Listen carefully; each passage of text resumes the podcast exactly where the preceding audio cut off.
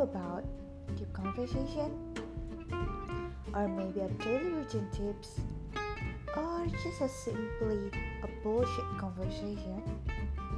Hmm. We can talk about everything in my podcast. So, this is Media Podcast. Happy listening.